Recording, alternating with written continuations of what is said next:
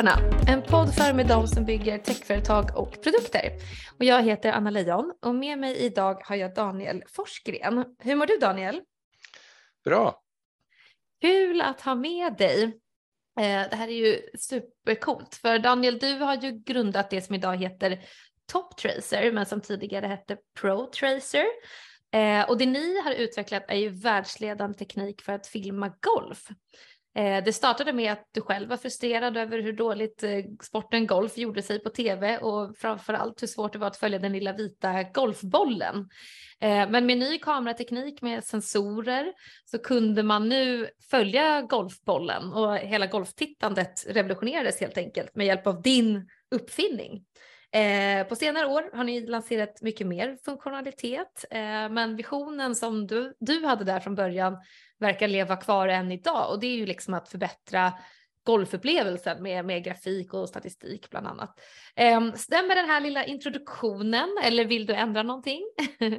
Nej men absolut, det stämmer väl jättebra. Ehm, det var ju eh, för att hjälpa tv-bolagen att göra en bättre tv-sändning som jag satte fart på det här företaget och sen med tiden så insåg vi att tekniken kunde ju hjälpa till på fler ställen inom golf än bara tv-sändningarna så att eh, numera är det väldigt stort fokus på att gamifiera driving rangen där ja, i stort sett samma teknik som i tv nu används för att mäta vanliga golfares slag och mm. ge dem en roligare träningsupplevelse.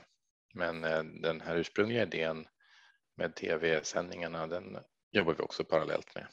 Mm, ja, det är så coolt. Eh, super, vi kommer gå, absolut gå in i det här i, eh, i detalj såklart. Eh, men vi försöker alltid börja lite i kronologisk ordning. Så kan vi liksom inte starta med dig och din bakgrund. Jag såg till exempel att du ju har gått på KTH precis som jag. Eh, men hur, hur startade din resa inom liksom entreprenörskapet? Ja, men det började väl egentligen ganska tidigt. Jag eh, eh, intresserade mig för programmering ja, i högstadiet ungefär och sen några år in på gymnasiet så var, var jag ganska intresserad av att göra någonting eh, ja, ska man säga, kommersiellt. Jag var intresserad av att tjäna pengar helt enkelt och var intresserad av entreprenörskap. Eh, och det blev så att eh, dels gjorde vi en produkt av ett specialarbete, jag och några kompisar, som handlade om att göra en musikkompositionsprogram som heter mm. Digistudio. Så vi, vi lyckades sälja det till en engelsk eh, publisher som, som gav ut det i små volymer, men vi fick i alla fall ut vår första mjukvara på det sättet som, ja, som fortfarande tonåringar. Oj, Sen, är det sant? Ja, Digistudio, fan vad coolt. Eh, så man komponerade egen musik eller? Ja, det var, ett, det var en enkel fyrkanalig eh, musikproduktionsprogram kan man säga som vi, vi om ärligt kan man säga vi snodde mycket av konceptet från andra program som fanns till Amiga, men vi var nog först ute med den här typen av program till eh, PC-plattformen. Shit vad coolt, på, alltså på högstadiet, sa du det? No, nej, det här var väl på slutet av gymnasiet. Ja men ändå. Det här laget. Oj, ja. okej. Du, du, har, du är verkligen så här duktig eh, företagsam redan då. Eh, fan vad coolt. Vad, hur, vad, vad var det här skrivet i liksom? Eh, ja, på den tiden var det hardcore, så det var ju assembler det mesta som vi gjorde på den mm. tiden. Och det oh, behövdes ju lite mer då också när det var eh, inte så starka maskiner. Eh, men också lite för att ja, var där vi började och sen blev vi fast, kanske lite för länge. Eh, när man lärde sig lite mer effektiva moderna språk så, så insåg man att man hade kanske lagt några timmar i onödan på assembler, men, men det råkade bli så för oss. Vi började där. Ja, men jag fattar. Fan vad Men hur, hur liksom lyckades ni sälja det? Det är ju alla utvecklares dröm liksom. Ja, det var, en, det var en speciell resa i sig. Hur mycket tid har vi? Ja, men vi, eh. vi måste ju få bottna lite i det här också innan ja, vi hoppar in i ProTracer. Nej, men eh, jag kommer ihåg att vi, vi insåg att vi behövde hitta, vi behövde hitta någon utländsk eh, publisher förmodligen.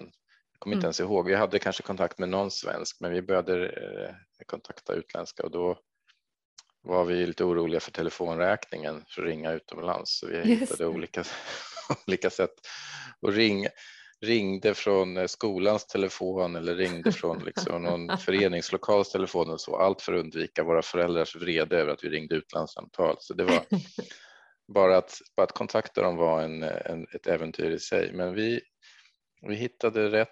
Vi var till och med faktiskt, vi hade förhandlingar med Virgin så det gick ju, vi, vi kom ju in på de stora. Jävlar. Även Electronic Arts hade vi kontakt med men i slutändan så skrev vi kontrakt med en ganska liten okänd publisher men de lyckades i alla fall ge ut eh, programmet så det var ju häftigt. Jag tror vi fick ett förskott på kanske 50 000 eller 100 000 eller så och sen fick vi aldrig några mer pengar för det sålde liksom inte några stora volymer det här vi hade gjort. Men, men det var i alla fall ett första insteg så det var. Ja men ändå. Fan, Då fick man coolt. lite smak på entreprenörskapet. Exakt, gud, då, då, din väg var ju utstakad redan då. Ja men shit vad coolt, för det svåra är ju, alltså jag kan tänka mig att ni sitter och liksom, ja men, ja, programmerar på er kammare och hackar ihop det här liksom och så här, tycker det är svinballt själva och sen bara, men aha, vad gör man nu då? alltså ja, precis. Ja, men så var det väl. Liksom. Och sen får ni idén att ni ska kontakta ja, sådana där utgivare eh, och sen lyckas sälja det. Alltså vilken jävla resa. Ja, inom eh, mjukvara, det finns ju många som är idealister, men det verkar som att jag och mitt gäng, vi var intresserade av att tjäna pengar också, så vi valde att gå åt det kommersiella hållet. Ja men exakt, ja, man kan ju ut i så här uh, open source och allt vad det kan vara. Mm. Liksom. Uh, ja men fan vad ballt, okej okay. du, uh, du ja, här rivstartar vi verkligen. Uh, vad hände sen då i din, i din karriär? Ja men det, om man ska hålla sig kvar lite vid det där så det, det är att vi hade hittat ett sätt att få musik ut ur PCn, gav oss en ingång till spelbranschen också så att vi fick kontakt med Digital Illusions, det som skulle komma att bli DICE. Eh, men på den här tiden var det också ett väldigt litet bolag och de hade inte så mycket kapacitet. De började ge ut egna spel, flipperspel, men de hade inte kapacitet att bygga de spelen till alla plattformar så vi fick övertygade dem om att vi kunde göra PC-versionen av deras spel. Mm. Så vi gjorde två titlar tillsammans med DICE då på 90-talet. Pinball Fantasies och Pinball Illusions. Är det sant? Ja. Är det det här pinball som man har spelat liksom som var förinstallerat på? Nej. Nej, nej, det var väl en konkurrent kanske, men, nej, men det var stora titlar på den tiden. Eh, och mycket, eller såklart framförallt Dice förtjänst då. De tog ju fram hela konceptet med grafik och musik och hela spelkonceptet. Vi var ju en slags underleverantör som stod för mjukvaran till PC-plattformen. Ja, men gamingutvecklarstudio liksom. Ja, men exakt. Ja men fan vad ballt. Så ni fick kontrakt och så jobbade ni. Men då, det här var ju liksom, när, var, när var det här i tiden? Ja men nu är vi inne på, ja men det här var i samband med att vi, vi började läsa på högskolan. Eh, mm. KTH? Att, ja precis. Gick hela gänget på KTH? Nej, liksom? det var bara jag där. Sen de övriga läste i Uppsala. Aha. Och det var computer science eller något sånt? Ja, mm. i mitt fall var det det. Ah, fan vilket soft sidogig under studierna. ja, men det är ganska, ja, det soft vet jag inte om det är rätt ord. Det var ju såklart häftigt att få göra spel, men det var ganska tufft att kombinera med studierna. Ah. Särskilt kommer jag ihåg ja, de här sista sex månaderna innan release var ju tufft, för det är ju, ja, du jobbar ju själv med mjukvara, det är, mm. det är svårt att bli klar. Ja, man blir aldrig klar. Nej. Och, men eh, jag vet inte, på sätt och vis var det kanske jag vet inte, på ett sätt var det tuffare deadlines eh, kanske då på den tiden i och med att det skulle tryckas på CD eller DV-skiva ja, och liksom det. var, det var lite mer som en bokutgivning. Nu känns det som att nu i alla fall spelbranschen bygger mycket på först beta-releaser och sen kanske en 1.0 och sen gör man massa patchar i efterhand och så. Så det känns mm. som att jag vet inte om de som jobbar i branschen fortfarande blir sura när jag säger det nu, men det känns som att de har det lite lättare då. De kan liksom alltid patcha i efterhand. Vi var ju tvungna att liksom ta fram en Helt bolt, klar. Liksom. Det måste mm. vara klart och sen trycktes det upp i x antal tusen ex och så skulle det distribueras. Så det var ju... Medel utan buggar liksom. Ja, verkligen. Så att oh, fy fan vad stressigt. Ja, oh, shit. men hade ni så här timlön eller hade ni sålt in det som projekt liksom? Mm, ja, vi hade ju royalties på försäljningen med någon oh med någon minimi eller man hade någon garanterad volym då, säg att de garanterade 20 000 exemplar eller något sånt. Ah. Och sen fick man royalty om du sålde bättre än så. Och de här titlarna med DICE sålde jättebra, så där, där fick vi ju bra betalt. Med den tidens mått i alla fall. Fan vad coolt alltså. Hur, hur får man kontrakt med DICE liksom?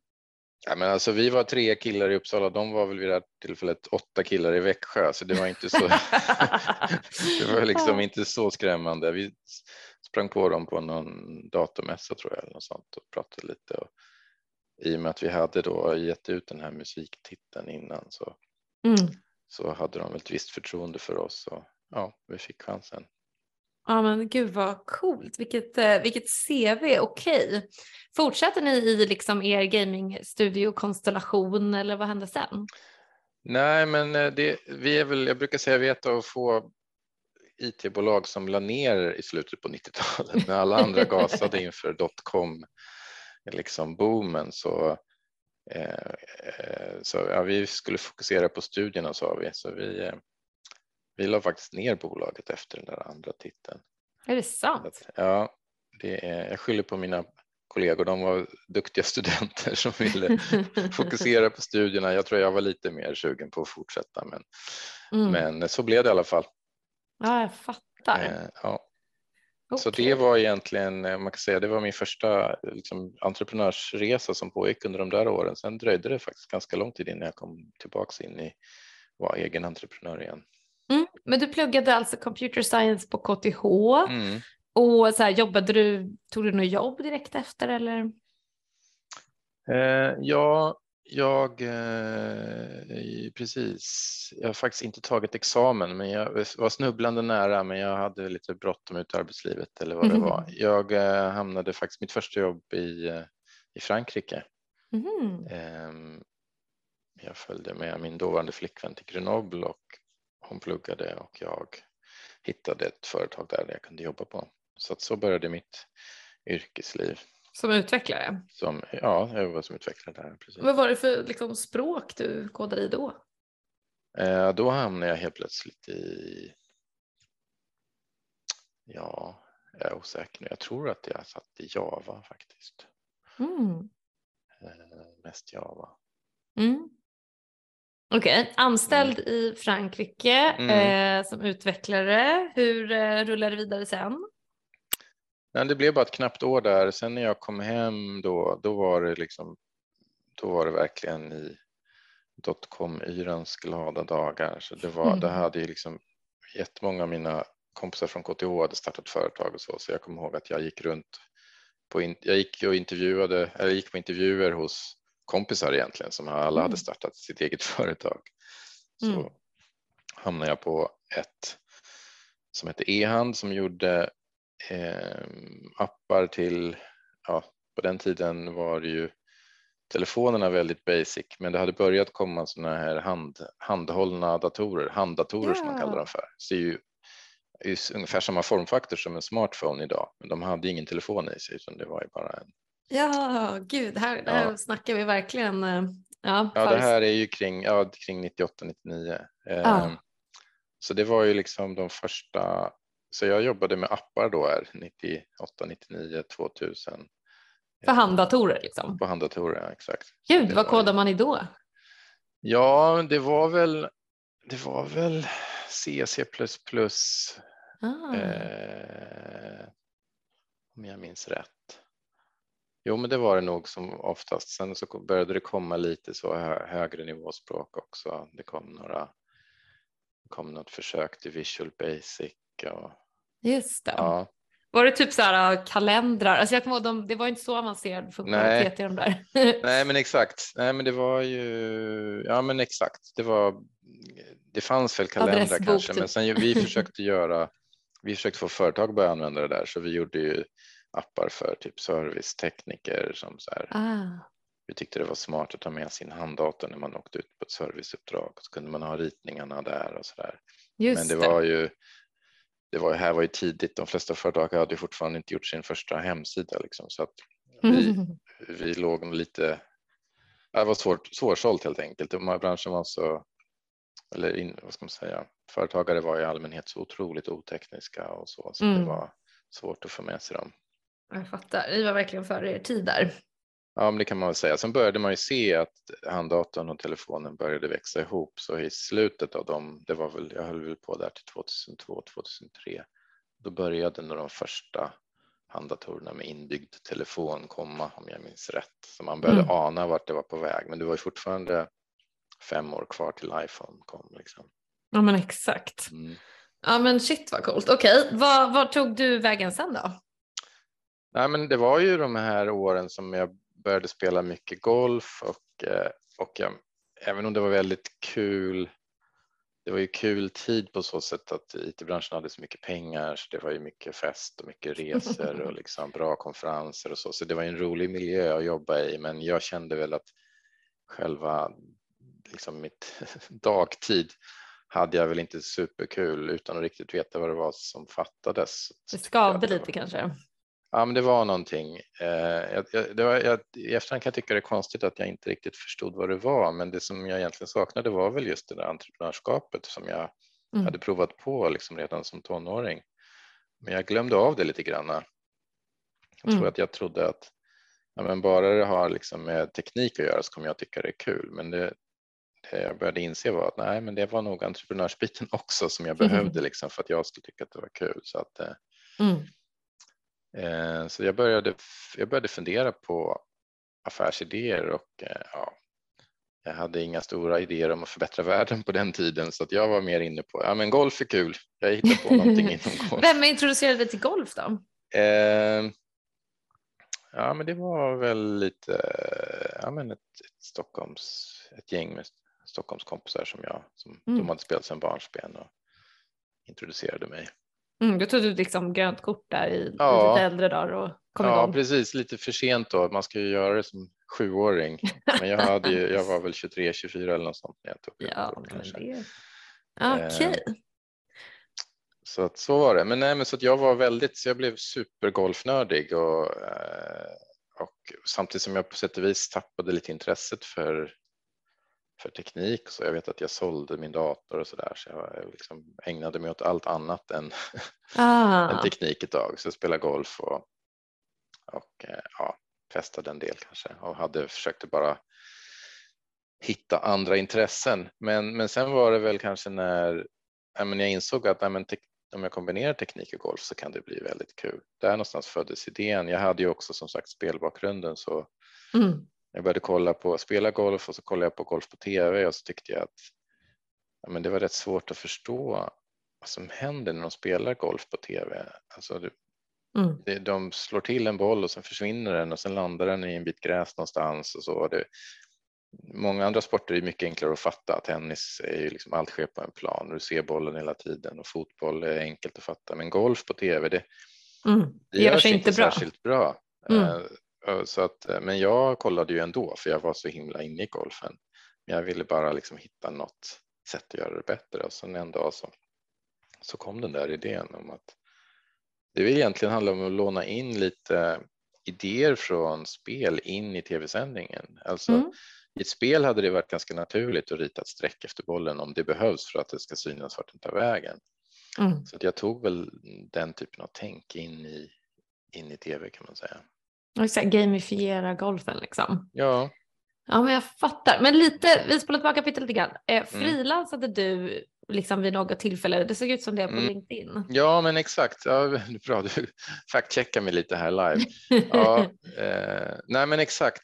Så att jag fick den här idén eh, redan 2002 tror jag. Men jag hade ju liksom inget startkapital och jag visste inte riktigt om idén skulle flyga så att jag Eh, men jo, vad hände? Jo, vi sålde det här. Jag var inte delägare i någon större mån, men E-hand som jag jobbar på sålde sitt amerikanskt bolag och då ganska snabbt så ville de dra ner. Det här var ju också liksom efter IT-kraschens mm. efterdyningar, så då skulle de dra ner kraftigt på oss i Stockholm då och eh, så det en dag kom det en amerikansk chef och kallade in oss i något rum och sa att ja, men imorgon är ni bara fyra kvar här alla andra måste gå, så det var ganska dramatiskt. Och då gick jag hem från det mötet och, så, och jag var en av de fyra då för att jag var tidigt, tidigt anställd. Liksom. Mm. Men jag gick hem den kvällen och kände bara att nej men det här är inte rätt. Jag vill inte hålla på med det här. Jag har ju min egen idé nu. Ska jag vara en av de, alla andra vill ha kvar jobbet. Mm. Jag får behålla med det, men jag vill inte. Jag vill göra min idé. Så att jag, på kvällen ringde jag en, en, eh, en kompis och sa, ska inte du, som hade blivit sparkad och sa, du får min plats och så får jag ditt eh, avgångsvederlag istället. och han, ville, han tyckte det var en bra deal och eh, så vi sa det nästa morgon till den här chefen att vi har bytt plats jag och Rickard. Eh, så då fick jag 12 månaders avgångsvederlag. Ja, det är ju schysst alltså. Och det blir ju, det är väl en ganska klassisk startplåt kanske till företag. Så så drog jag igång med de pengarna. Mm. Perfekt ju. Ja, men det, det räckte inte. Jag kom inte superlångt på första året. Så var pengarna slut och då började jag konsulta. Mm. Um, för att som ett sätt att få in mer pengar till min idé. Jag började exakt. prata lite med externt kapital och så, men jag hade liksom inte kommit så långt och de jag pratade med var inte så imponerade av den här idén. Så, att, så, att, eh, ja. så det blev några år. Jag tog till och med ett, eh, jag tog till och med ett, ett heltidsjobb eh, på Terraplay där jag var något år också. Så det var för att finansiera liksom? Ja, för att finansiera och liksom ta mig fram till den här idén som jag väl ärligt talat heller inte visste riktigt om den skulle flyga, men jag släppte den inte utan jag jobbade vidare på konceptet. Mm. Först med liksom eh, först med bara skisser och sen med eh, liksom prototyper som inte realtid, som inte gick i realtid då, men ändå prototypmjukvara och sen mm. ja. Ja men gud, det måste du berätta mer om. Alltså så här, är det det man tror, alltså en kamera med vissa speciella sensorer liksom. Alltså hårdvara helt enkelt. Mm. Ja, nej men jag, jag hade läst bildanalys på KTH. Jag tyckte det var ett spännande ämne. Så för mig kändes, det kändes, och jag tänkte tv, så jag tänkte kamera måste ju vara rätt sätt att göra det här på. Så att eh, ja, jag började filma golfslag med olika kameror och sen försökte jag lära mig. Vissa kameror var bättre än andra på att se den här bollen. Då försökte jag förstå vilket, ja, vilken sorts spes på kamera som var bäst för att i alla lägen se en golfboll. Så att, eh, efter lite research så hittade jag kameror som hade väldigt bra liksom, dynamik och spes här för att se den här bollen även när den var 200 meter bort. Mm. Eh, så jag, jag började spela in massa sånt testmaterial och sen satt jag med eh, och skrev mjukvara och försökte liksom filtrera ut den där bollen och försöka lära datorn vad som var boll och vad som var inte boll i princip. Mm. Alltså i efterhand liksom? Ja, precis. Alltså realtid kändes ju länge ganska avlägsen. Det var ju att man satt med inspelade sekvenser och försökte få dem. Ja, men precis. Få att filtrera ut bollen ur dem. Just det, för det jag precis Eh, men blev det så att du utvecklade, är det mjukvaran som är din grej eller är det liksom en hårdvara som är din grej? Eller båda två? Nej, men det är ju både och, men, men det är ju ändå mjukvaran som är grunden kan man säga, mm. men den funkar inte utan rätt sorts kamera. Den, ah. Man kan inte bara koppla in vilken kamera som helst, utan det är en kamera som är, har väldigt speciella spesar och, och numera så bygger vi kameror eh, själva. Mm. Eh, men på den tiden fanns inte budget för det utan då handlade det snarare om att välja rätt kamera och styra den på rätt sätt. Men det var inte mm. tal om att bygga en kamera från scratch. Det hade vi inte alls resurser till. Nej, men exakt. Och handlar det om då att ja, men den, den bästa kameran du hittade, liksom, då byggde du mjukvaran anpassad till den, alltså dens mm. output. Liksom. Det kanske inte är standardiserat mellan kameror. Jag vet inte hur deras output ser ut. Nej, men så kan det precis. Det finns ju lite olika standard API, men jag jobbade ju mest med ganska custom grejer för enskilda kameror. Mm. Um, ja. Ja men vad coolt. Men alltså här, analyserar du bilden då liksom, alltså kamerafilmen? Ja, man letar efter saker som rör sig, som ändrar sig i bilden kan man säga och let, letar efter rörelser i bilden. Mm. Och sen försöker man eh, skriva smarta filter som, eh, som förstår vad som är en golfboll och vad som är någonting annat. och då zoomar den liksom in på det eller? Ja, alltså det, ja, det kan man ju säga bildligt talat. Alltså det är ju en, kameran är ju, sitter ju still och den har i, i sig ingen zoom, utan, men mjukvaran kan ju välja att fokusera på en viss del av bilden. När den väl mm. har fått tag i en boll som flyger i, alltså i realtidsfallet, då, då kan den ju sen förutsäga var bollen borde befinna sig i nästa bildruta och då kan den hålla, hålla rätt på det. Mm. Ehm. Ja men shit, gud vad avancerat. Eh, coolt, vad, vad liksom, herregud. Eh, nu börjar vi djupa i det här. Eh, men vi måste ju liksom fråga lite då, Eh, ja, men du tuffade på där själv på egen kammare bäst du kunde självfinansierat. Det var inte något riskkapital som var intresserade av din grej liksom. Eh, men om vi bara börjar med typ namnet liksom. När hade du ett namn och hur kom du på det?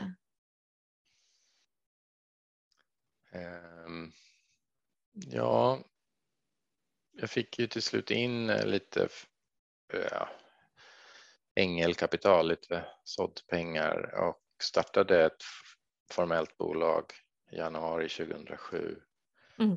Och eh, nej, men det, då vill man ju ha ett namn, men det var ju, det är en liten lite kaosartat, man tvingar fram ett namn, allting låter dåligt i början, Mm. brainstorma lite, men tillsammans, jag fick väl upp, tog fram lite förslag och bollade med mina tidiga investerare där och, och eh, jag kommer inte riktigt ihåg processen, men eh, det är jättesvårt tycker jag att välja namn och man vill ju att det ska låta som Ikea direkt, men det är ju ingenting som låter. Ikea lät nog inte heller bra 1939 eller när det nu bildades. Exakt. Utan det tar ju ett tag att få ett varumärke att låta lite bättre. Ehm, så, så jag tror därför delvis som det är så himla svårt.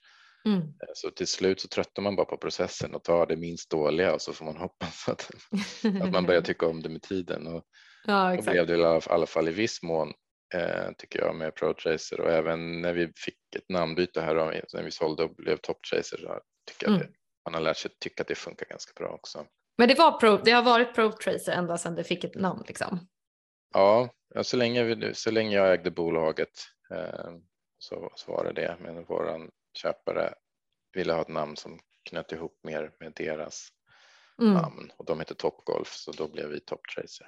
Jag fattar. Och vad, eh, den första liksom, betan, hur, mm. vad hade den för core-funktionalitet? Liksom? Ja, alltså eh, var, ja, hur ska vi ta det här? Det, var ju, det handlade ju om att först övertyga investerare och ja, alltså, om man får gå tillbaka till Alfa så var det egentligen mer bara en en bild jag hade ritat. Så här borde det kunna se ut. Eh, och, eh, och sen, eh, sen eh, lite mjukvara som kunde då, inte i realtid, men som kunde ta en videosekvens och hitta bollen och rita det där strecket i efterhand. Det var ju så, det var det jag var runt och visade för folk. Mm. Bland annat för till slut fick jag ett sätt att, att visa det här för Europatouren, alltså det största nätverket för golftävlingar i Europa och eh, och de sa att ja, men eh, det där ser jätteintressant ut, men men eh, det är många som kommer hit och visar coola grejer, men det måste funka också. ja, kan, så kan du visa det i verkligheten, då är vi väldigt intresserade, sa de. Så då, sa de, då gav de mig ett datum att jag skulle komma den det var 6 augusti mm. Eh, och det här var kanske i april. Du får komma tillbaka den 6 augusti och visa upp det här. Så då hade jag ju en väldigt hård deadline eh, och då mm. skulle jag ta det från, alltså det var då jag skulle få det att funka i realtid. Eh, mm. Så så det kan man väl kanske säga var min beta då. Den, det är en annan typ av produkt det här eh, i och med att det skulle ut till tv och användas tv-produktioner. Det var ju inte till någon massmarknad på det sättet. Mm. Eh, men men, eh, ja, men jag, jag, jag byggde om mjukvaran och eh, med avseende på att få det att fungera för realtid och, eh, mm. Eh, och lyckades väl någon gång i med ett par veckors marginal fick jag det att börja funka realtid i juli och sen hade jag ett par veckor till att slipa och sen var det demo då för Europatouren i början mm. på augusti. Du gjorde inte så mycket annat den sommaren eller? Nej, det var inte så mycket annat.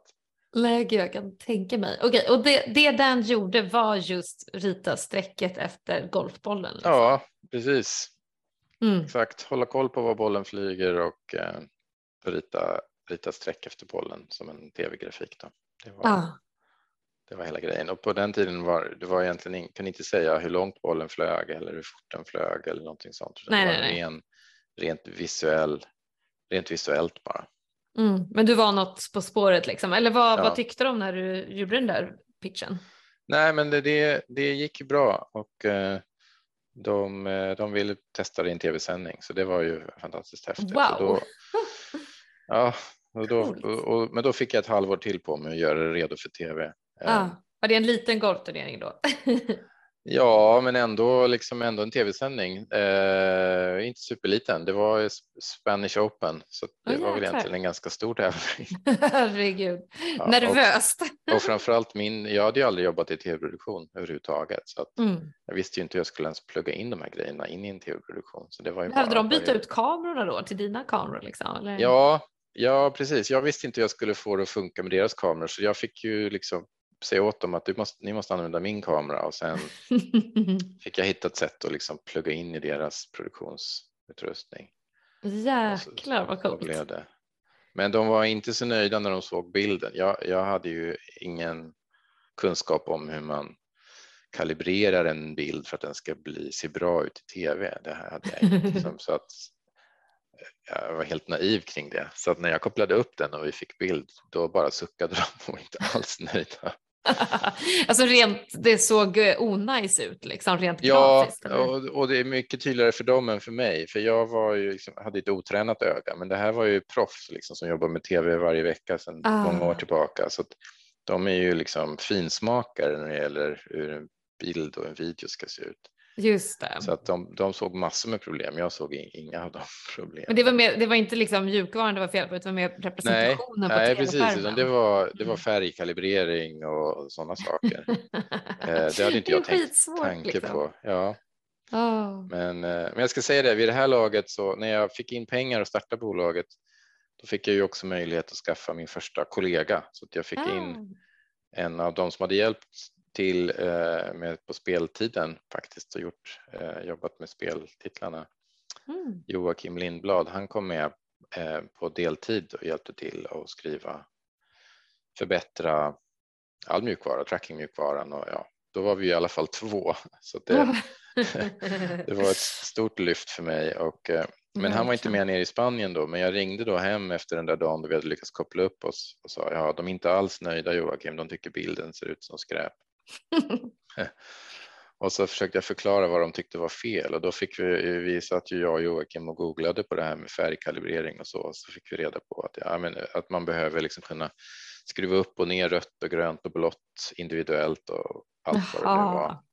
Och sen så var det bara att sitta på natten där mellan på plats, han i Sverige och jag i Spanien. Så satt vi och byggde vidare på det. Så nästa dag när vi kopplade upp oss på tv-produktionen så kunde vi justera färg så som de ville ha. Men gud, då måste de bli imponerade eller? Ja, men blev lite gladare i alla fall. Men så visade det sig att det var ännu fler fel då. Det var fler, fler fel på svartnivåerna och vitnivåerna och det ena med det andra. Så det blev väl en till natt och vi fick justera dem också. Så att, ehm, Åh. ja. Nej, men det var en väldigt lärorik vecka. Det var mycket, dessutom eh, så funkade bolltrackingen mycket sämre än hemma i Sverige för, för allt jag hade gjort hemma i Sverige var från sådana här plastmattor man står och tränar på en driving range. Men på en golftävling då slår de ju från gräs. Mm. Och den, vad är skillnaden? Jo, den stora skillnaden är att när du slår från gräs så flyger det massa skräp på jord inte Åh, bara en Gud. golfboll iväg. Mm. Istället för att ett föremål flyger iväg så är det hundra föremål som flyger iväg. Och det var inte mjukvaran alls beredd på. Så att, eh, så att vi fick, eh, så det, därför, därför funkade det, trackingen funkade jättedåligt också och det blev lite panikfixar även någon tredje natt där nere från Spanien tror jag, Joakim hemma i Uppsala. Men var det under turneringen? Ja, nej, det var in, nej, det var under. Åh herregud. Mm, exakt, Jesus Christ. det var lite svettigt. Ja, det kan jag tänka mig alltså. Men, så att vi hann väl i princip ge upp, men, eh, men faktum är att mot slutet av veckan så la de faktiskt till slut ut några av våra tracer i tv-sändningen. Ah, okay. ah, så då, då, de sa liksom att det här är inte good enough, vi kommer inte lägga ut det här, vi skiter i din del. Ja, liksom. de sa, de var inte så tydliga, de mumlade mest sina klagomål. De sa.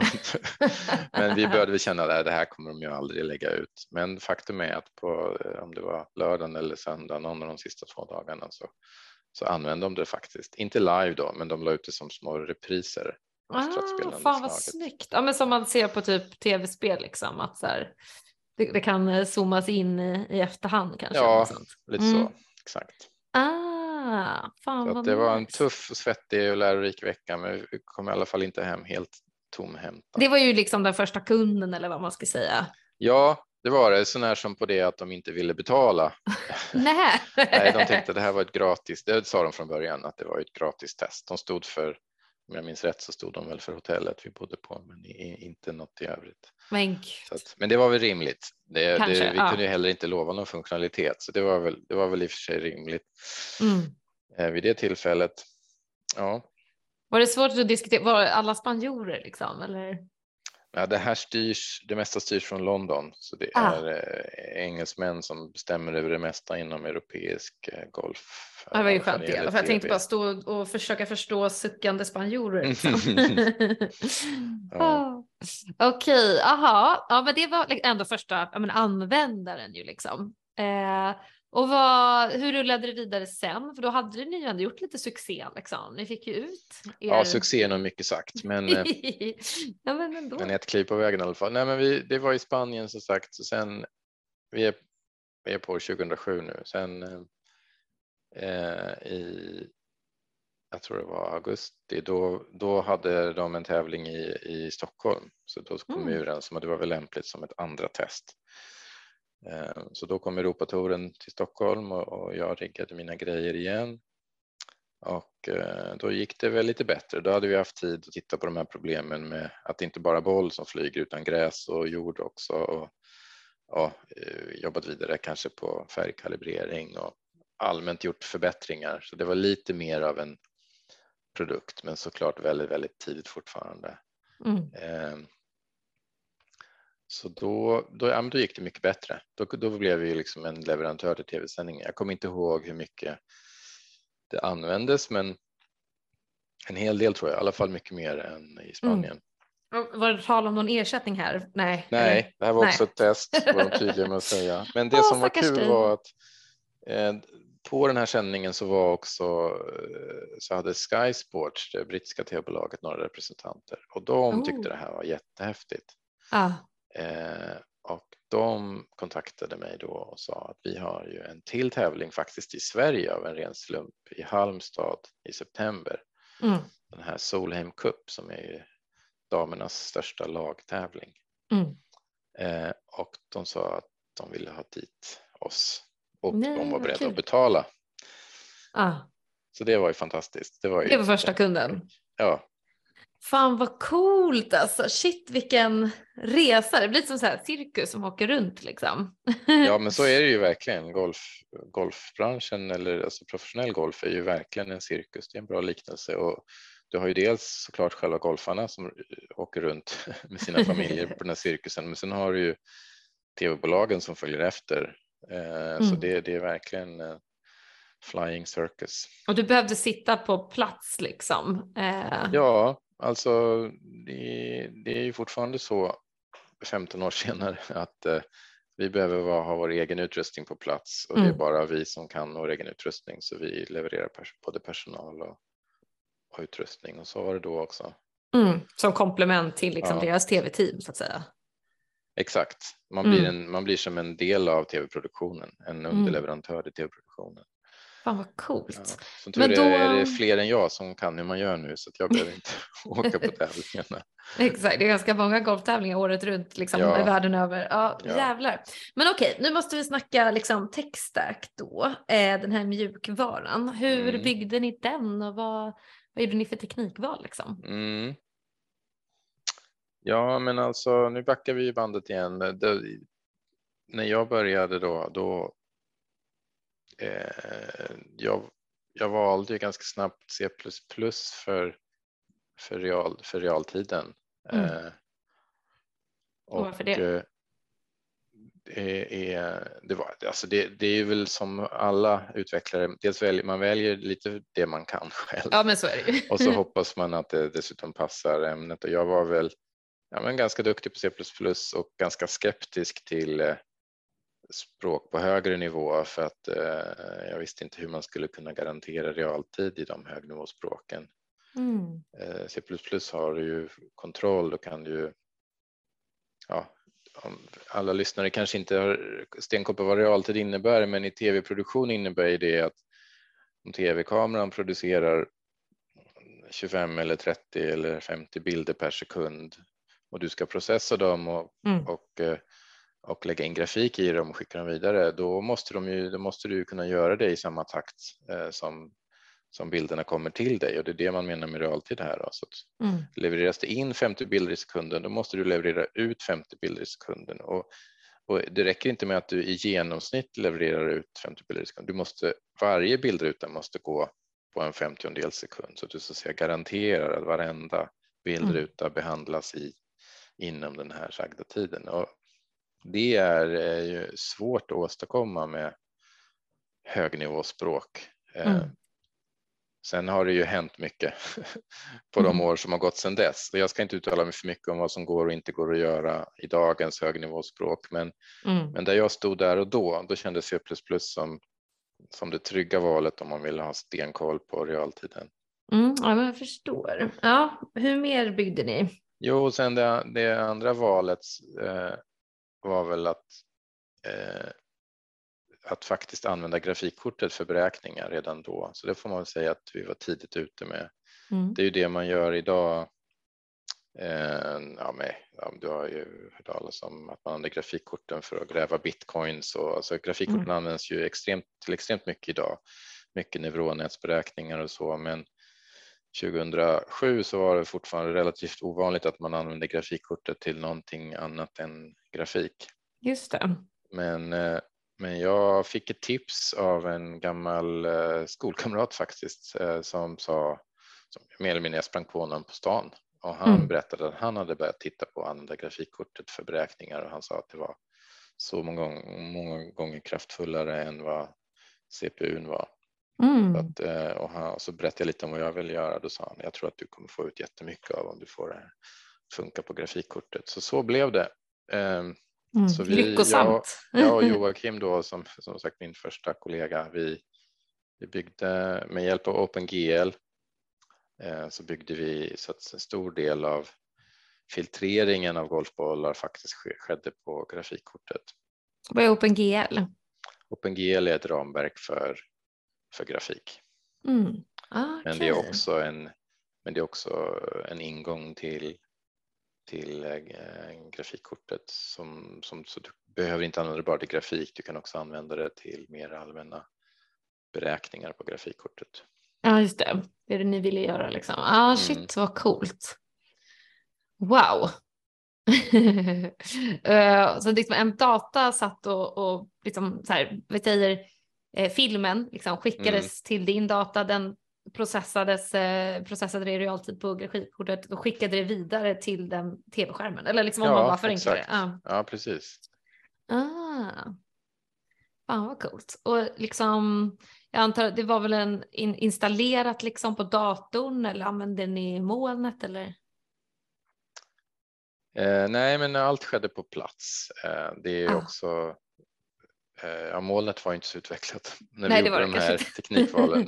men det är ju också så att det är stora datamängder och realtidskraven ja. är så höga så man hade nog inte hunnit med någon roundtrip till molnet. Det kanske nej, hade nej. gått idag men inte då. Mm. Så att allt sker på plats. Mm. Ja, vad coolt alltså. Herregud, okej, okay. nu jag lär mig jättemycket. wow, um, fan vad ballt. Okej, okay. och sen så um, vad ska vi gå in på nu? Nej men liksom så här, hur började det, gick det att skala upp liksom? Du behövde ju vara med på plats liksom mm. hela tiden där i början, men, men blev det så att ni blev bokade på fler och fler liksom? Ja men exakt, vi, vi blev även bjudna till USA sen efter något halvår eh, och, eh, och eh, började göra amerikanska tv-sändningar och där de var liksom lite snabbare på att eh, ta upp det här och skaffa pengar för det och så. Så att eh, ganska snart så var det mesta av vår verksamhet, de flesta tv-produktioner vi gjorde var i, i USA. Mm.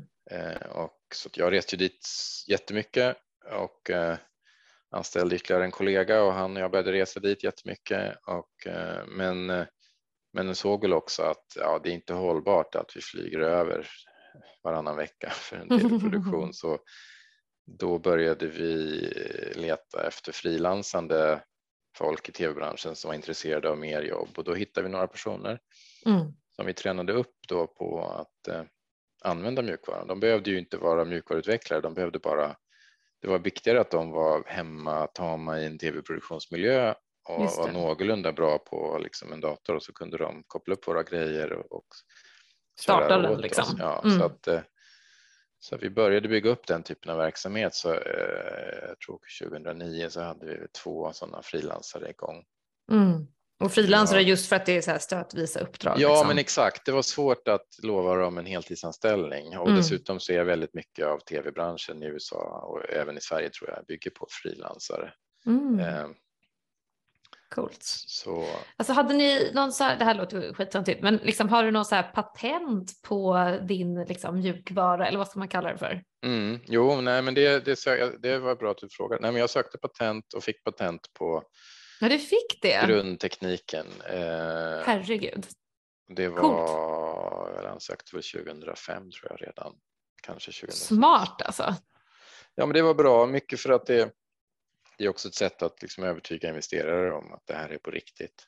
Mm. Det är väl skitdyrt att ansöka om patent? Eller? Ja, det blir i alla fall dyrt med tiden. Eh, det, det, kost, det, det, kanske kostade 100 000 att söka om patentet, men ah. Men sen så om man ska upprätthålla det så är det ju årsavgifter som dessutom blir dyrare och dyrare för varje år. Så är det sant? Absolut. Så det, och sen beror det ju på hur många länder man vill ha patentet giltigt i. Just det, det också. Kostar det. Vad kostar det per år då? Ja, alltså jag, jag har faktiskt inte koll längre på riktigt vad det rör sig om, men det kan handla om en, en miljon eller mera. Okay, ja. Ja. ja. det är det värt nu såklart. Men alltså där och då, trodde du att du skulle få patent? Det är svårt att ta patent på mjukvara liksom. Ja, nej, men jag tror att det hjälpte lite här att det ändå hade en koppling till eh, till något utomstående va? i och med att du har kamera och mm, Du har lite hårdvara liksom. Ja, mm. då blir det lite lättare. Exakt. Sen Vad är, är det ju... som är så himla unikt egentligen? Ja, nej men alltså eh, vi, vi, när jag och min patent, mitt patentombud, vi såg väl att det här sättet att tracka ett föremål var, verkade vi vara ensamma om. Men det är klart att det finns fler som har trackat projektiler, kanske inte minst inom det militära finns det säkert mm. många exempel. Just Men, det. Ja. Exakt. Ja, fan, fan, jag är sjukt imponerad att du också tog patent. Eh, det är ju någonting... Nu för tiden så är ju mjukvarupatent väl ändå ganska standard. Det var ju väldigt omdebatterat Eh, ett tag, ja. Ett tag i början på 2000-talet som jag minns det. Då var det mycket snack om det ens skulle vara tillåtet. Men jag skulle säga idag så är det väl ganska standard. Mm. Sen är det fortfarande en utmaning att skriva ett patent och man kan ju såklart ha olika åsikter om när det är rätt och fel att söka patent på mjukvara. Men Exakt. man kan i alla fall säga att många gör det. Mm. Ja men fan vad coolt. Och hur eh, liksom syndes er logga på tv-skärmen eller något sånt där? Eller hur, eh, hur visste de att de skulle kontakta er så att säga? Mm. Nej, eh, något enstaka fall där i början fick vi väl ha med loggan men oftast inte. Nej. Eh, utan det blev väl mera att tv-branschen är ju ganska mm. liten så att eh, om något tv-bolag använder vår teknik och något annat tv-bolag såg det och blev intresserade då ofta känner de varandra så de hörde väl av sig till någon de, någon de kände på det tv-bolag som använt oss och frågade mm. hur man fick på Det är Top Tracer. ja, så ordet, ordet spred sig där. Vi fick ju även kontakt med japaner ganska tidigt. Mm. För det är mycket japanska tv-bolag som är och besöker amerikanska golftävlingar. Så när vi var så när vi började göra amerikanska tävlingar då, då kom det förfrågningar från Japan väldigt kort in på. Så att, Fan vad kul. Så att, ehm, om början av 2008 var liksom USA så hösten 2008 så, var, så drog det igång i Japan så då var det bara att åka dit och lära sig att jacka in i en japansk tv-produktion. det var möjligt en ännu större utmaning. Oh, herregud. Ah, gud. Hade ni börjat ta fram ett så pris då liksom som så här, nu vi tar det här priset för en tv-sändning på en vecka liksom eller? Ja, exakt. Och det var ju inte så lätt. Hur ska man prissätta det? Men ja, vi verkligen. hade hittat på hitta på någon prissättning och vi visste inte om vi skulle få göra många tv-sändningar så vi satte väl ett ganska högt pris. Tänkte att ja, ja, får man bara göra några få om året så måste man ha ganska högt pris. Eh, men det blev väl också kanske en eh, ja, men det gjorde väl också att det blev ett hinder för oss att vi att tv-bolagen började se oss. Ja, men det där är coolt men dyrt. Det använder vi inte jätteofta och så. Så vi, vi satt fast i det en, lit- några år för länge. Egentligen borde vi nog varit bättre på att förhandla och säga att det är uppenbara att det är klart att om ni använder oss varje vecka så kan priset gå ner kraftigt. Men den diskussionen drev jag lite för dåligt så det, det, det dröjde ganska länge innan vi kom in i, i det. Så att vi, Ja, vi förblev en, ändå en produkt som man inte använder varje vecka utan liksom någon varje månad men inte varje vecka. Så Stora det en- turneringen liksom. Ja, så var det flera år innan vi lyckades bryta den liksom, tankesättet och istället köra, sänka priserna och köra på volym istället. Det var ju bättre för alla. Mm. Ja men exakt, man vill väl bli det där standardinslaget och framförallt inte öppna upp för konkurrenter tänker jag. Nej, men absolut, det behövde man ju, var ju alltid orolig för också. Nu fick vi ganska många år innan konkurrenterna dök upp, men, Mm. men visst. Mm. Verkligen. Eh, men, men ni har konkurrenter idag alltså? Mm. Eh, ja, men det har vi. Sen, eh, sen fem år tillbaka eller något sånt så, så finns det ju fler som gör tv-produkter. Men nu har vi bara pratat om tv-produkten. Det, som, det stora som hände eh, Ja. efter några år var ju att vi kom på det här andra sättet att använda tekniken, nämligen att gamifiera driving rangen. Och det är egentligen idag den stora produkten som vi lägger allra mest tid och pengar på att bygga och sälja. Ja, hur funkar den? Ja, men det, det, så idén var då att okej, nu är vi på världens största golftävlingar och Tiger Woods lag trackas med vår teknik. Jättecoolt, men hur får vi det här att skala upp och bli en riktigt stor produkt? Jo, det är ju genom att nå ut till alla vanliga golfare som det finns Mm. många fler av. Det finns bara en Tiger Woods. Just det. Mm. Eh, och, men då tog vi det vi hade, nämligen en, en, en mjukvara som kunde tracka golfboll i en kamera. Och sen satte vi flera kameror på en driving range och sen såg vi till att mjukvaran kunde hålla koll på flera bollar samtidigt som Mm. det ser ut på en driving range när folk står och tränar. Och då det gick att få till ganska bra att, eh, att alla slag som slås trackas av minst två kameror och, och har man sett bollen från två håll då kan man ju triangulera, alltså eh, räkna ut 3D-positionen för bollen och helt plötsligt gick produkten från att mäta golfbollar bara som en form i tv till att faktiskt mäta i tre dimensioner hur bollen flög Mm. och vi kunde då säga hur, hur långt den flög, hur fort den flög och hur mycket den skruvade sig. Mm. Massa statistik som Ja. är hjälpsam liksom när man försöker bli bra. Exakt, och vi kunde mata tillbaka den informationen då till varje respektive golfare så att det kan stå 25 personer och slå bollar samtidigt och vi förstod var- vem som slog vilken boll så vi kunde mata rätt information till rätt golfare. Mm. Ehm, Så, så det blev någonting vi började satsa på Mm.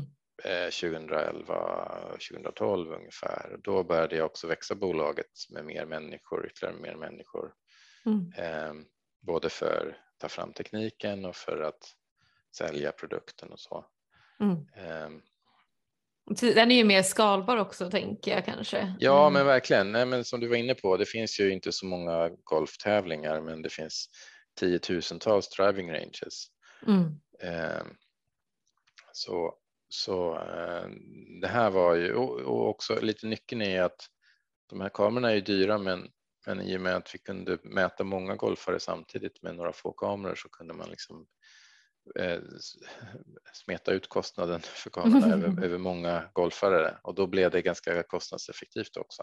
Just det. Eh, Så Så- golfklubben investerar liksom i det här till sin driving range. Ja, Mm. Precis, det, det, kan ju vara golfklubbar men det kan ju också, i vissa länder är det vanligt med rena driving ranges, alltså det finns ju Just en del av det även i Sverige, att det, är, det finns typ ingen golfbana som bara en driving range. Ja. Exakt, hela det, eh, det är hela grejen liksom. Mm. Ja, och de mm. är på många sätt, de var ju de första att fånga upp det här, för om du, en golfklubb, de har ju ofta fokuset på golfbanan och sen när rangen kommer kanske lite i andra hand, men mm.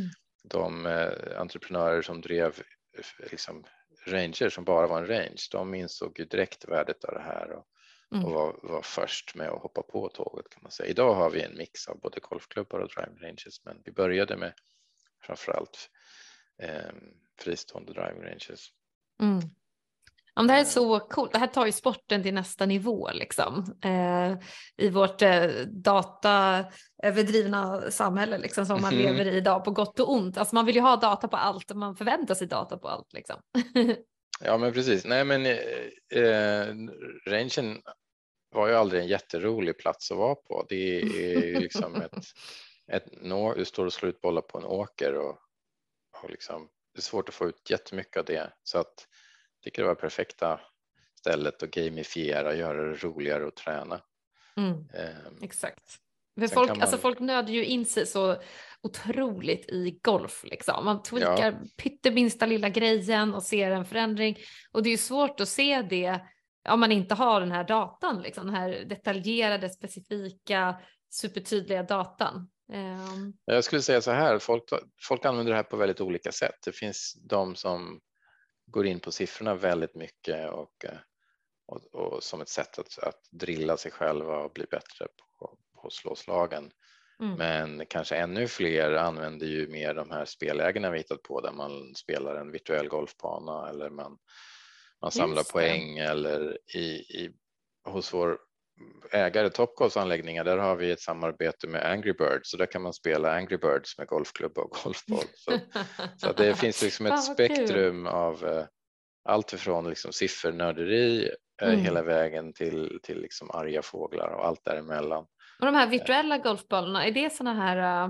Ja, men de har ju poppat upp ganska nyligen i Stockholm ändå. Massa sådana mm. virtuella golf. Är, ni, är det ni som eller vad? Nej, vi, Nej, vår teknik jag började ju med att bygga den för, för utomhusbruk så säga och vi är fortfarande primärt en utomhusteknologi. Sen funkar vår, våra grejer till exempel på Ullnas anläggning norr om Stockholm mm. som är en inomhusanläggning men där flyger bollen 35 meter innan den slår i väggen. Så det, det är kan man säga, minimum för att vår teknik ska fungera. Ah. Så att om du om du går till en anläggning där du bara slår bollen 3, 4, 5 meter in i en projektorduk, då är det annan teknik bakom. Ja, jag förstår, jag förstår. Ja, den är säkert, alltså det funkar ju liksom. Eh, men, ja, men jag ja, förstår. Vad coolt. Um, och sen så blev ni uppköpta, alltså du, du har ju jobbat i företaget hela tiden och haft CTO-roll och och lite sådär liksom och ni har vuxit och vuxit och vuxit eh, och sen blev ni uppköpta av Topgolf. Mm. Eh, och vad, får jag fråga liksom, vad, vad såldes företaget för? Nej, så man brukar jag inte gå ut med. Nej. jag kan berätta lite om hur vi tänkte. Ah. Det var ju, vi såg ju att den här range-produkten eh, hade en enorm potential. Eh, vi skaffade vårt första 20-tal kunder eller så, men det finns minst, det är lite olika hur man räknar, men någonstans mellan 10 000 och 30 000 ranger i världen. Mm. Eh, och kände att, och, och liksom, när vi såg hur bra den här produkten fungerade så tänkte jag att den här måste ju till alla dem. Hur sjutton gör, hur sjutton gör man det? Mm. Eh, och, och, då insåg man att en nyckel till det är ju, är ju mer pengar. Eh, så en, en väg skulle ju vara kanske då ta in riskkapital. Eh, men, men vi, vi gjorde bedömningen att det här var så pass nischad idé eh, och vi hade börjat prata, titta på det här Topgolf som var ett riskkapitalfinansierat bolag i USA som byggde jättestora golfanläggningar. Mm. Och eh, tanken slog oss att om de ja, vi började titta på dem som en, en kund. De skulle kunna bli vår allra största kund, men vi insåg ganska tidigt att om vi skulle slå oss ihop med dem, då skulle vi liksom få tillgång till amerikanskt kapital och tillsammans med någon, ett bolag som redan var i branschen. Mm. Vi kände att det skulle vara en tryggare väg framåt än att liksom en stor påse riskkapitalpengar gå, gå själva framåt. Ja men exakt. Eh, ja, så att eh, och, och, då när vi började prata lite mer med Topcos så insåg vi att de tänkte lite samma sak, att det här var en möjlighet för dem. Om de ägde oss så skulle de kunna hjälpa oss att snabbt nå ut. De satt redan liksom på rätt plats i rätt bransch för att lyckas mm. med det här. Så det kändes som för oss som ett mycket, mycket bättre väg framåt än en Harva på själva liksom. Ja. Mm. Fattar. Så, så, så gjorde vi och det blev verkligen eh, superbra. Mm. De, det har varit, många varnade för att sälja till ett amerikanskt bolag och så, men de har varit jättetrevliga och bra att jobba med och har verkligen eh, gjort och överträffat våra förväntningar på, ja, på all, allt det de sa att vi skulle göra. Det är det vi håller på med nu. Nu har vi gått mm. eh, de senaste fem åren har vi gått från liksom 50 till 750 kunder och eh, mm tror vi är på väg att tracka tre miljarder, miljarder golfslag eh, innan året är slut. Så jävla coolt. Eh, gud, vad, får jag fråga vad ni omsätter nu? Eh, ja, det, det, är lite utspritt över olika bolag om, i världen, men det är, det är ett par hundra miljoner. Mm. Gud vad coolt. Och du sålde hela din andel men är nu operativt liksom verksam i bolaget eller? Ja, jag har jag har trappat ner lite grann eh, så att jag, ehm, eh, jag eh, var ju eh, VPRND eh, eh, de sista åren fram till början på det här året. Nu har jag velat ha lite mer tid att göra annat också så att jag nu sitter jag i styrelsen i en slags rådgivande roll och sen är jag med i, i vissa projekt där jag tycker att jag bidrar. Men jag har också mycket tid till annat så jag har börjat göra lite investeringar i andra bolag, sitter i någon annan styrelse och så där också och mm. um, tycker det är kul att bidra lite med mina erfarenheter till, till nya bolag. Ja, ja men vad kul. Det är det, det man kanske liksom har möjlighet att göra och vill göra när man hamnar i den situationen. Liksom. Lyxigt. Gud ja, vad precis. nice. Mm. Coolt och coolt också att du har varit med så länge liksom och fortfarande är aktiv i, i bolaget eh, och att det har gått så bra liksom. Ja, nej, men det har varit fantastiskt roligt hela vägen och jag har mm. eh, även om jag tycker det är kul att titta på lite annat också nu så är det ju svårt att eh, släppa det här. Det är ju ett mm. jättehäftigt mm. bolag. Numera är vi 170 kollegor eller något sånt. Sitter mm. i Mörby norr om Stockholm. Är det där huvudkontoret är? Ja, mm. så att all, eh, i princip all produktutveckling sker i Stockholm. Men mm. däremot har vi mycket av våra säljkontor utomlands för att där är de större marknaderna. Men, men i princip hela produkten, både tv-produkten och range-produkten byggs eh, fortfarande här i Stockholm. Mm. Ja, det är coolt. Det. Behålla inhemsk liksom, produktion. Ja. Ja. Så det är en ingenjörstätt kontor i Danderyd. Ja, det kan jag verkligen tänka mig. Mm. Vi har fortsatt att anställa mycket folk från KTH. Så. Oh, kul. Inte bara därifrån såklart, men, men många kommer därifrån. Nu när du sitter själv på investerarhatten då, är det främst är det golf eller tech du är mest intresserad av? Ja, alltså jag eh, tänkte när jag skulle börja investera egentligen att jag skulle investera i helt andra saker. Jag är intresserad av miljöteknik och klimatutmaningen och så, mm. men det är liksom lättare sagt än gjort att sätta sig in i ett helt nytt område, så jag har inte kommit så långt med den ambitionen än så länge. Men så istället har det blivit saker som ligger lite närmare det jag har gjort, så att man kan väl säga sportstech. Det är ju ingen jättestor nisch i Stockholm. Mitt bolag är väl kanske en av de större spelarna där, men det finns mm. lite andra bolag eh, i Stockholm som också håller på med sport och teknologi, så där har jag gjort några investeringar. Mm. Eh, så får vi se vad det blir framöver. Ja, verkligen. Ja, vad kul. Ja, men sportstech, ball nisch alltså. Mm. Eh, gud vad grymt, vi har snackat på skitlänge. Eh, vi måste börja runda av lite grann. Det här har varit så eh, underbart att höra din resa. Eh, men vill du dela med dig av några liksom, kriser, misstag, lärdomar eller tips eller så eh, från din resa till oss andra som kanske också vill bygga mm. produkter? Nej men, ja precis. Eh, nej men ett, det har ju varit jättekul det här. Jag kan säga någonting som jag kanske önskar jag hade gjort annorlunda hade varit om jag hade jag önskar att jag hade lyckats få in kanske en, en jämbördig, kan man säga så, medgrundare. Jag har ju mm. haft bra folk med mig från tidigt och så, men av olika anledningar så var det ingen av de första som ville komma in eh, liksom, eh, ja, på heltid som grundare av bolaget, mm. utan jag fick liksom bära grundarhatten själv eh, ändå eh, ganska många år. Eh, sen, sen eh, över tiden så byggde vi en organisation där som, som kunde avlasta mig och så, men det var ganska tufft att känna att man var grundaren med ja. stort G, den ensamma grundaren eh, länge då. Hur bra kollegor jag än hade så är det ett särskilt ansvar att vara grundaren mm. och det, det kan jag säga att jag önskar att vi hade varit två med, liksom, eh, med ett delat ansvar där. Mm. Eh, det tror jag hade varit det hade varit eh, ännu roligare och känts lite tryggare någonstans. Och det är också ett råd jag sett många fler ge och även på investerarsidan så är det många investerare som säger att de aktar sig för bolag med en grundare. Ah, okay. man, man, vill gärna se ja, en, en, en duo som kan stötta varandra. Mm, jag sprider risken också lite. Ja, liksom.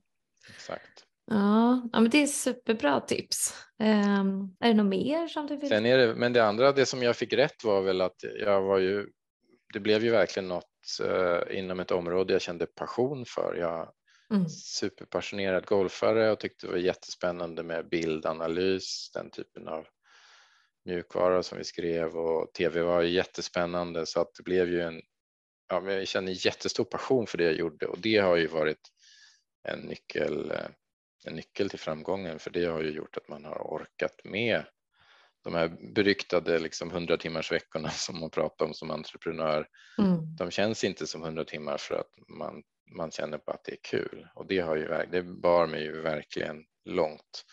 Eh, så det önskar man ju alla entreprenörer att få jobba, få driva ett bolag inom något som man verkligen brinner för, för då får man den där energin som, man, som gör allting möjligt.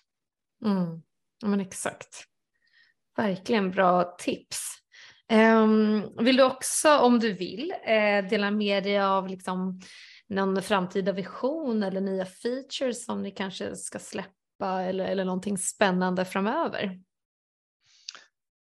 Uh, ja, men uh, det händer ju jättemycket nu. Som sagt, det är ett stort bolag och vi driver produkten snabbt framåt. Vi, vi försöker nu kan säga bredda oss och dels bli en ännu bättre partner till driving ranges så att vi kan kanske hjälpa dem med mer än bara att tracka deras golfslag utan vi kan vara liksom en, ja, en riktigt bra partner för dem hur de driver sin business. Mm. Vi vill också bli bättre på att stötta golftränare eh, så det kommer vi med, med nya funktioner för som lanseras i januari som mm. knyter ihop eh, kan säga golfarens upplevelse med golftränarens liv och så att man kan eh, träna på ett effektivare sätt tillsammans med en coach. Ah. Så det är ah. någonting som är på gång nu. Mm. Eh, ja, det är väl de stora grejerna som händer nu. Oh, gud vad spännande. Ja, men ni breddar er liksom produktportfölj och eh, mm. utvecklar den. Ja, spännande utmaningar framöver. Gud vad grymt Daniel! Tack så hemskt mycket för att du delade din story. Eh, det har varit superintressant. Jag har lärt mig hur mycket som helst. Eh, verkligen skitcool resa ni har gjort. Eh, och så kul att få, få dokumentera den helt enkelt. Ehm, så tack så hemskt mycket för det. Men min sista fråga är egentligen om du vet någon annan textskapare som du tycker att jag borde intervjua härnäst? Eh Ja, eh, det får jag fundera på. Jag kommer kunna skicka dig några bra tips tror jag, men jag har ingen Mm. sån här direkt.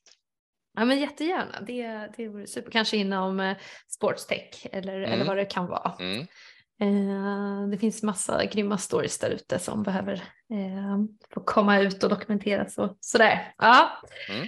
super. Ja, men tack så hemskt mycket Daniel och stort lycka till eh, framöver. Är det någonting Ja. mer du vill? Vi får tipsa våra lyssnare såklart om att eh, kika efter er, eh, era produkter och, Mm. och använda dem såklart. Mm. På. Ullna där till exempel. Exakt. Mm. Grymt. Ja men super. Tack Mm. då. Ja, tack själv. Eh, Så får du ha det så bra. Mm. Detsamma, detsamma. Hej, hej.